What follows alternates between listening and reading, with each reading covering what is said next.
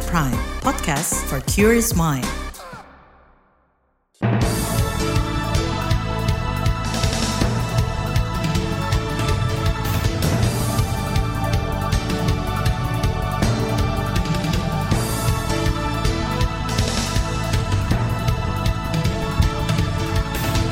Selamat pagi, berjumpa kembali dalam Buletin Pagi edisi Kamis 2 Maret 2023. Saya Naomi Liandra. Sejumlah informasi pilihan sudah kami siapkan, di antaranya nelayan keluhkan masih sulitnya dapat BBM subsidi. Ramai kasus Rafael, Wapres minta masyarakat taat bayar pajak. Pilotnya disandra, Susi harap OPM sadar. Inilah Buletin Pagi selengkapnya. Terbaru di Buletin Pagi. Saudara Kesatuan Nelayan Tradisional Indonesia KNTI mengeluhkan sulitnya mendapatkan BBM solar bersubsidi. Ketua Umum Dani Setiawan mengatakan rumitnya administrasi menjadi salah satu kendala. Dani juga mencontohkan para nelayan kecil harus menyerahkan surat rekomendasi dari dinas di daerah terlebih dahulu untuk mendapatkan BBM subsidi. Dia juga meminta pemerintah memperbanyak pendirian stasiun pengisian bahan bakar umum nelayan SPBUN dan mempermudah akses nelayan kecil. Satu saya kira yang paling penting sekarang mempercepat keberadaan dari SPBUN itu, memperbanyak ya. Kalau tadi Pertamina hanya punya 388, harusnya tahun ini bisa bertambah ya, lebih banyak lagi. Tahun ini harusnya bisa mencapai ribuan, kira-kira gitu ya, dengan mempercepat pendirian SPBUN SPBUN baru gitu. Nah saya kira itu kuncinya ya, kunci agar stok atau kuota BBM bersubsidi yang sudah dialokasikan pemerintah itu betul-betul terdistribusi kepada nelayan melalui penyediaan infrastrukturnya itu. Ketua Umum KNTI, Dani Setiawan menambahkan sulitnya mendapatkan BBM subsidi membuat nelayan memilih membeli solar eceran yang harganya lebih mahal. Dia mengungkapkan para nelayan kecil kerap membeli solar dengan harga Rp7.500 hingga Rp8.000 per liter. Harga itu di atas yang ditetapkan pemerintah yakni Rp6.800 per liter. Sulitnya mendapat solar subsidi dikeluhkan para nelayan di Kampung Nelayan Tanjung Pasir, Tarakan, Kalimantan Utara. Keluhan itu disampaikan langsung kepada Presiden Jokowi selasa lalu. Merespons keluhan itu, Kepala Negara berjanji akan menyelesaikan masalah sulitnya nelayan mendapatkan solar bersubsidi. Secara umum baik, tetapi ada keluhan mengenai solar bersubsidi yang sering kadang-kadang tidak mereka dapatkan. Ini tadi yang langsung saya tabun ke Menteri untuk menyelesaikan keluhan dari para nelayan. Presiden Jokowi mengatakan para nelayan juga meminta pemerintah melakukan peremajaan peralatan nelayan. Jokowi mengaku telah menghubungi kementerian terkait untuk memenuhi kebutuhan para nelayan. Saudara, awal Februari lalu, Kementerian Kelautan dan Perikanan bersama Kementerian BUMN dan Pertamina menaikkan kesepakatan bersama terkait kebutuhan BBM subsidi bagi nelayan. Melalui kesepakatan itu, pemerintah berjanji akan memenuhi kebutuhan BBM dengan harga terjangkau di lokasi-lokasi yang disepakati. Menteri Kelautan dan Perikanan Sakti Wahyu Trenggono mengatakan kebutuhan bahan bakar nelayan mencapai 3,4 juta kiloliter per tahun.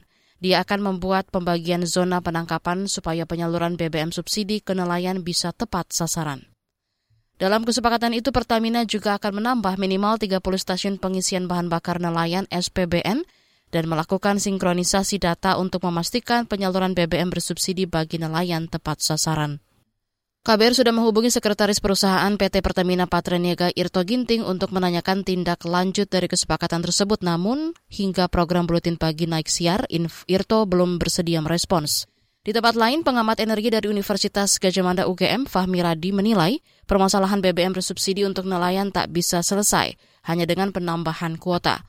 Menurut dia, masalah utama adalah akses terhadap BBM subsidi yang sulit untuk nelayan. Nah, saya kira kalau hanya menambah data tadi ini bukan solusi yang tepat juga karena problem yang dihadapi itu bukan karena kekurangan kuota bersubsidi bagi nelayan, tetapi masalahnya adalah prosedur yang berbelit, kemudian juga lokasi yang jauh. Nah, oleh karena itu dua itu harus dicarikan solusinya tadi. Nah, kalau prosedur tadi, maka dibuat sesederhana mungkin gitu ya. Pengamat energi Universitas Gajah Mada UGM Fahmi Radi menyarankan pemerintah memberi kartu nelayan sebagai identitas layak menerima subsidi BBM. Dia mengingatkan agar pemerintah tidak menerapkan prosedur yang berbelit bagi nelayan. Saudara Wapres Maruf Amin berharap masyarakat taat bayar pajak usai ada kasus Rafael. Tetaplah di Buletin Pagi KBR. You're listening to KBR Pride, podcast for curious mind. Enjoy!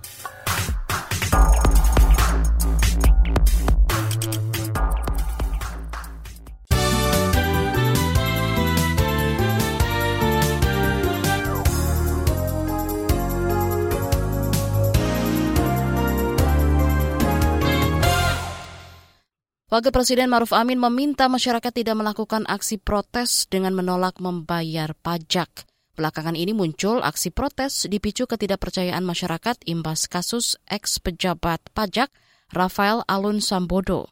Rafael disorot lantaran memiliki kekayaan tidak wajar yang mencapai 56 miliar rupiah.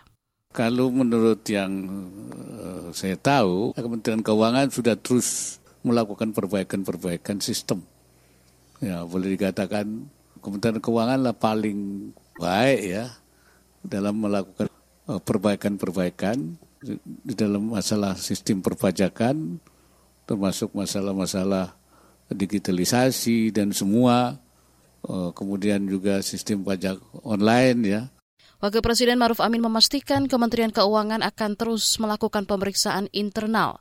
Wapres mendorong Kementerian Keuangan terus melakukan langkah pembenahan dan perbaikan. Masih terkait masalah pajak, Kementerian Keuangan menolak pengunduran diri Rafael Alun Trisambodo dari aparatur sipil negara ASN di Direktorat Jenderal Pajak. Rafael sebelumnya mengajukan pengunduran diri usai anaknya terlibat dugaan penganiayaan dan harta kekayaannya disorot publik. Wakil Menteri Keuangan Suhasil Nazara mengatakan Rafael masih terikat dengan aturan kode etik dan perilaku ASN bahwa berdasarkan PP nomor 11 tahun 2017 sebagaimana terakhir telah diubah dengan PP nomor 17 tahun 2020 ini mungkin maksudnya dan kemudian juga peraturan kepala BKN nomor 3 tahun 2000 maka pegawai yang sedang di dalam proses pemeriksaan tidak dapat mengundurkan diri. Karena itu pengajuan pengunduran diri saudara RAT ditolak. Sementara itu, Inspektorat Jenderal Kementerian Keuangan Awan Nurmawan Nuh mengatakan telah membentuk tiga tim untuk memeriksa Rafael. Tim pertama yakni untuk memeriksa harta kekayaan Rafael, tim kedua untuk menelusuri harta yang belum dilaporkan, dan tim ketiga untuk menginvestigasi dugaan kecurangan. Kita ke informasi hukum. Tren kepercayaan publik terhadap lembaga penegak hukum mengalami peningkatan pada Februari tahun ini. Itu terungkap dalam survei terbaru Lembaga Survei Indonesia LSI. Direktur Eksekutif LSI Jayadi Hanan mengatakan, secara umum Komisi Pemberantasan Korupsi KPK menempati posisi teratas disusul Kejaksaan Agung, Pengadilan, dan Polri. Kalau terkait dengan kepercayaan masyarakat terhadap lembaga hukum di dalam menegakkan hukum, kalau yang tadi kan kepercayaan secara umum, maka yang nomor satu adalah kejaksaan. Kejaksaan diikuti oleh pengadilan, baru KPK, dan yang paling bawah polisi.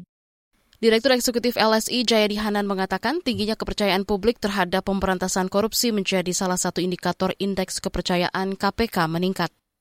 Menteri Koordinator Bidang Politik Hukum dan Keamanan Menko Polhukam, Mahfud MD menilai vonis terhadap Surya Darmadi sudah setimpal. Pemilik perusahaan perkebunan sawit PT Duta Palma itu difonis 15 tahun penjara karena terbukti korupsi dan melakukan pencucian uang. Mahfud menilai hakim bisa memahami dan menghayati kebutuhan negara dalam penegakan hukum. Yang menarik, hakim setuju dengan Kejaksaan Agung Republik Indonesia melalui penuntut umumnya yang menyatakan bahwa Surya Darmadi bukan hanya melakukan tindakan korupsi yang merugikan keuangan negara, tetapi juga merugikan perekonomian negara. Sesuatu yang jarang diterima di pengadilan. Sekarang pengadilan setuju untuk yang kesekian kalinya. Besarnya adalah 39,7 triliun. Saya sangat sangat hormat kepada putusan hakim kali ini. Menko Polhukam Mahfud mempersilahkan jika Surya Darmadi akan menempuh jalur banding. Dalam kesempatan sama, Mahfud mengaku kecewa dengan vonis lepas pemilik KSP Indosuria Henry Surya. Mahfud menilai tindak pidana pencucian uang di kasus Indosuria sudah nyata. Namun pengadilan menyatakan bukan tindak pidana. Mahfud memastikan akan mengajukan kasasi terhadap putusan tersebut. Kita beralih ke informasi ekonomi. Badan Pusat Statistik BPS mencatat inflasi tahunan sebesar 5,47 persen pada Februari 2023. Deputi Bidang Statistik Distribusi dan Jasa BPS Puji Ismartini mengatakan transportasi menjadi kelompok dengan andil besar terhadap inflasi. Pada Februari 2023 terjadi inflasi sebesar 0,16 persen secara bulan ke bulan atau terjadi kenaikan indeks harga konsumen dari 113,98 pada Januari 2023 menjadi 114,16 pada Februari 2023. Sementara itu, secara year on year terjadi inflasi sebesar 5,47 dan secara tahun kalender terjadi inflasi sebesar 0,50 persen. Deputi Bidang Statistik Distribusi dan Jasa BPS Puji Ismartini menambahkan, penyumbang inflasi lainnya yakni makanan, minuman, tembakau, hingga bensin. Beralih ke berita mancanegara, Indonesia mencalonkan diri sebagai anggota Dewan Hak Asasi Manusia Perserikatan Bangsa-Bangsa Dewan HAM PBB untuk periode 2024-2026. Itu disampaikan Menteri Luar Negeri Retno Marsudi saat menghadiri sidang Dewan HAM PBB ke-52 di Jenewa, Swiss, Senin lalu. Saya juga menyampaikan bahwa Indonesia terus berupaya untuk memperkuat mekanisme HAM di kawasan, antara lain melalui pelembagaan dialog HAM ASEAN. Dan terakhir di dalam pertemuan saya sampaikan bahwa Indonesia mencalonkan diri sebagai anggota Dewan HAM PBB untuk periode 2024-2026 dengan mengangkat tema Inclusive Partnership for Humanity. Dan saya meminta dukungan dari semua negara terhadap pencalonan tersebut. Itu tadi Menlu Retno Marsudi. Ratusan murid perempuan di Iran diduga diracun supaya tidak bisa bersekolah dalam beberapa bulan terakhir. Dilansir dari CNN, Wakil Menteri Kesehatan Iran Yunus Panahi meyakini para siswi diracun agar sekolah khusus perempuan ditutup. Dia mengatakan bahan racun yang digunakan bukan zat kimia perang. Sebagian besar kasus keracunan bisa diobati. Associated Press melaporkan kasus keracunan ini sebenarnya sudah mencuat sejak November tahun lalu. Namun pemerintah tidak pernah mengakui. Beralih ke berita olahraga. Timnas Indonesia U20 menelan kekalahan di laga perdana Piala Asia 2023. Skuad Garuda takluk 0-2 dari Irak. Indonesia sebetulnya memiliki sejumlah peluang emas, namun penyelesaian akhir yang kurang apik membuat lini depan Garuda tumpul. Dengan kekalahan ini, Indonesia berada di posisi juru kunci klasemen sementara Grup A. Hari Sabtu nanti, Indonesia akan melakoni laga kedua melawan Suriah. Di bagian berikutnya kami hadirkan laporan khas KBR tentang usut dugaan pelanggaran aparat dalam kerusuhan Wamena. Tetaplah di Buletin Pagi KBR. You're listening to KBR Pride, podcast for curious mind. Enjoy!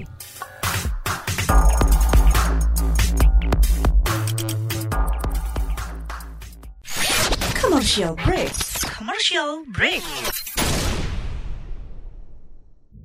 Anda sering gelisah, tidak bisa tidur nyenyak, selalu merasa ada yang merasuki pikiran Anda. Ini bukan iklan horor atau cerita seram, tapi kalau Anda mengalami hal seperti itu, Anda pasti ketinggalan berita terupdate yang lagi ramai diperbincangkan. Gak mau kan dibilang ketinggalan berita?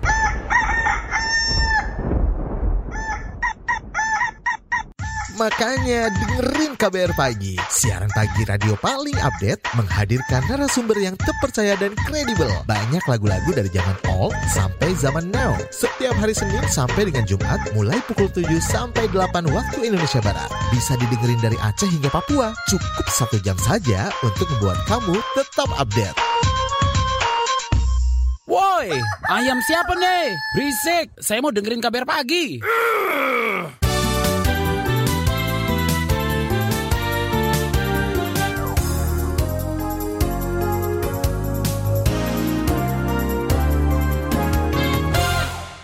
Anda masih bersama kami di Buletin Pagi KBR.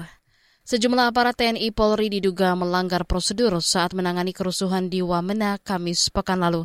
Dalam peristiwa tersebut, 12 orang tewas, sebagian di antaranya terkena tembakan. Kapolri dan Panglima TNI didesak mengusut dugaan pelanggaran yang dilakukan personilnya. Selengkapnya simak laporan khas KBR disusun jurnalis Heru Haitami.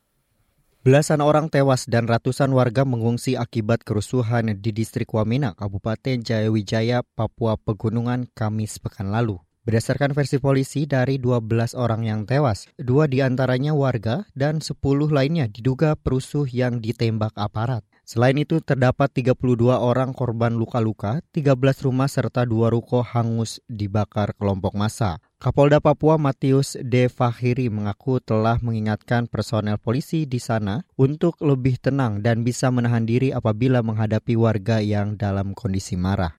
Tim dari Propam, saya minta Pak Kabit Propam juga langsung untuk eh, naik ke atas untuk segera mengevaluasi secara menyeluruh pola penanganan yang saat itu di lapangan supaya ini bisa menjadi bahan yang nanti saya evaluasi sehingga kami tidak mau lagi ke depan itu ada berdampak seperti itu. Kapolda Papua Matius Devakiri mengatakan rusuh di Wamena dipicu isu penculikan anak dan ada provokasi sejumlah pihak terhadap warga. Ia telah memerintahkan Direktur Reserse dan Kriminal Umum Diskrimum Polda Papua ke Wamena untuk mengungkap kasus tersebut.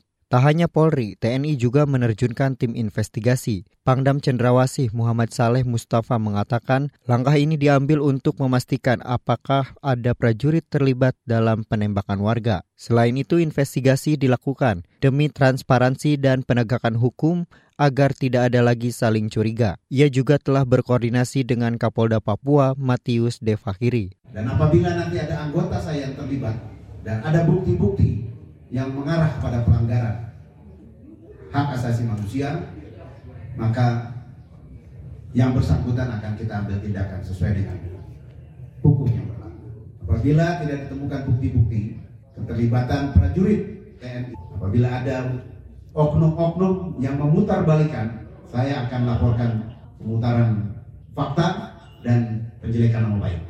Pangdam Cendrawasih Muhammad Saleh Mustafa mengajak seluruh masyarakat di Jayawijaya untuk bersama menyelesaikan masalah itu sesuai prosedur hukum. Kata dia, ia bersama Kapolda Papua menjamin adanya keadilan, kesetaraan terhadap semua pihak. Kata dia, TNI, Polri, dan masyarakat punya hak yang sama di depan hukum. Menurut Menteri Koordinator Bidang Politik Hukum dan Keamanan Menko Polhukam Mahfud MD, kerusuhan di Wamena Papua murni akibat penyebaran berita bohong atau hoax. Itu disampaikan Mahfud dalam acara cengkrukan Menko Polhukam yang disiarkan secara daring kemarin. Karena ada hoax di situ bahwa ada pengaco datang dari luar ada perampok terjadilah kerusuhan di situ. 12 orang meninggal. Karena hoax. Dan itu kalau di Papua mungkin itu disengaja saja ada yang yang ada yang merimot dari jauh tuh. Siarkan aja tuh ada penyusup dari luar. Gitu. Lalu kerusuhan. Itu tidak ada hubungannya dengan separatisme yang terakhir ini. Ya hoax murni hoax gitu.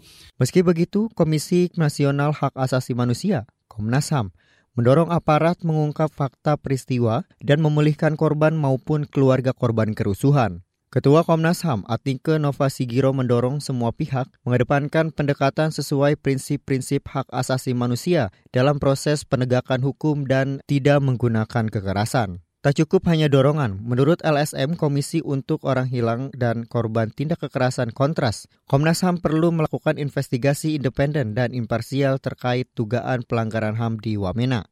Perwakilan Divisi Riset Kontras Rozi Brilian menegaskan para pelaku yang menyebabkan korban tewas harus ditindak secara tegas agar tidak memperlebar luka masyarakat Papua. Nah, kami coba untuk melihat bahwa apakah terdapat penyimpangan prosedur dalam penanganan yang dilakukan oleh pihak kepolisian di sini. Dan kami juga mendapatkan informasi dari beberapa jaringan di sana.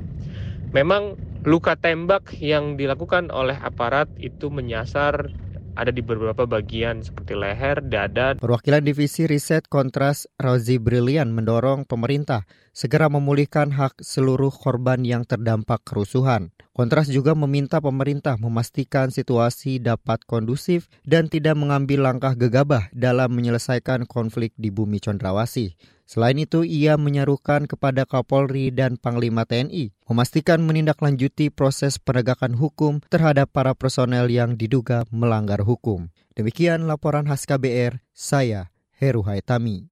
Informasi dari berbagai daerah akan hadir usai jeda, tetaplah bersama Buletin Pagi KBR. You're listening to KBR Pride, podcast for curious mind. Enjoy!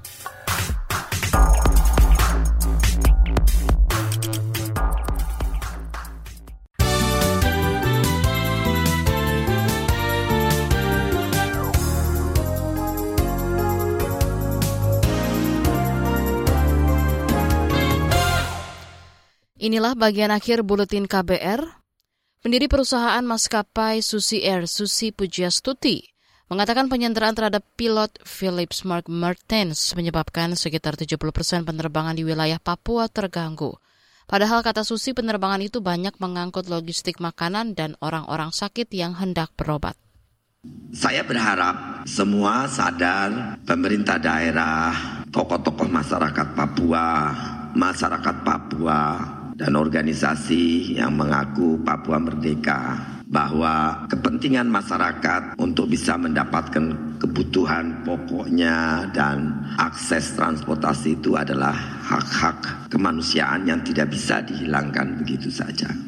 Sebelumnya, kelompok bersenjata Papua pimpinan Egyanus Kogeya mengklaim membakar pesawat Susi Air di Nduga, Pegunungan Papua 7 Februari lalu. Hingga kini kelompok itu masih menyandra pilot Philip. Panglima TNI Yudo Margono juga mengklaim upaya pencarian pilot Philip terus dilakukan. Dia mengaku aparat TNI Polri kesulitan karena kelompok bersenjata hidup bercampur dengan masyarakat, sehingga aparat harus berhati-hati dalam proses penyelamatan. Saudara, sekitar 14 ribu warga Magetan, Jawa Timur masuk kategori miskin ekstrim. Kepala Dinas Sosial Kabupaten Magetan, Parminto Budi Utomo, mengatakan Ribuan orang itu terdata berdasarkan verifikasi yang dilakukan oleh pemerintah desa dan kelurahan berdasarkan indikator kemiskinan lokal. Verifalnya sudah dilakukan dan muncul, muncul angka 6.000 sekian. Tapi di samping 6.000 hasil verifal 21.000 sekian tadi ada usulan baru dari pemerintah desa dan kelurahan sejumlah 8.000 sekian. Jadi kalau memang mau ditotal ada sekitar 14.000 sekian. Karena itu memang sudah atas dasar faktualnya dari bawah. Ya, setelah nanti kami komunikasikan dengan pimpinan koordinasi di TKPK di Kabupaten Magetan, maka akan ditetapkan dengan keputusan atau kebijakan bupati lah dalam bentuk SK atau Perbu. Itu tadi Kepala Dinas Sosial Kabupaten Magetan Parminto Budi Utomo. Sebelumnya pemerintah menyatakan bakal bekerja keras mewujudkan target 0% kemiskinan ekstrim di 2024. Kita ke Yogyakarta, Komisi Pemberantasan Korupsi KPK akan menerbitkan surat tugas pemeriksaan terhadap Kepala Kantor Bea Cukai Yogyakarta Eko Darmanto. Deputi Pencegahan KPK Pahala Nainggolan mengatakan lembaga anti rasuah sudah mendeteksi ada kejanggalan terhadap harta Eko. Deputi Pencegahan KPK Pahala Nainggolan menambahkan, pemanggilan pemeriksaan tidak bersifat paksaan. Dia berharap instansi asal yang bersangkutan turut memerintahkan agar Eko kooperatif. Sebelumnya, Kementerian Keuangan memerintahkan Ditjen Bea dan Cukai untuk mencopot dari jabatannya. Pencopotan itu imbas pamer gaya hidup mewah. Eko mencatat kekayaan mencapai 6,7 miliar rupiah. Informasi tadi menutup jumpa kita di Buletin Pagi hari ini. Pantau juga informasi terbaru melalui kabar baru situs kbr.id, Twitter di akun @beritaKBR, dan juga podcast di alamat kbrprime.id. Saya Naomi Liandra bersama tim yang bertugas undur diri. Salam.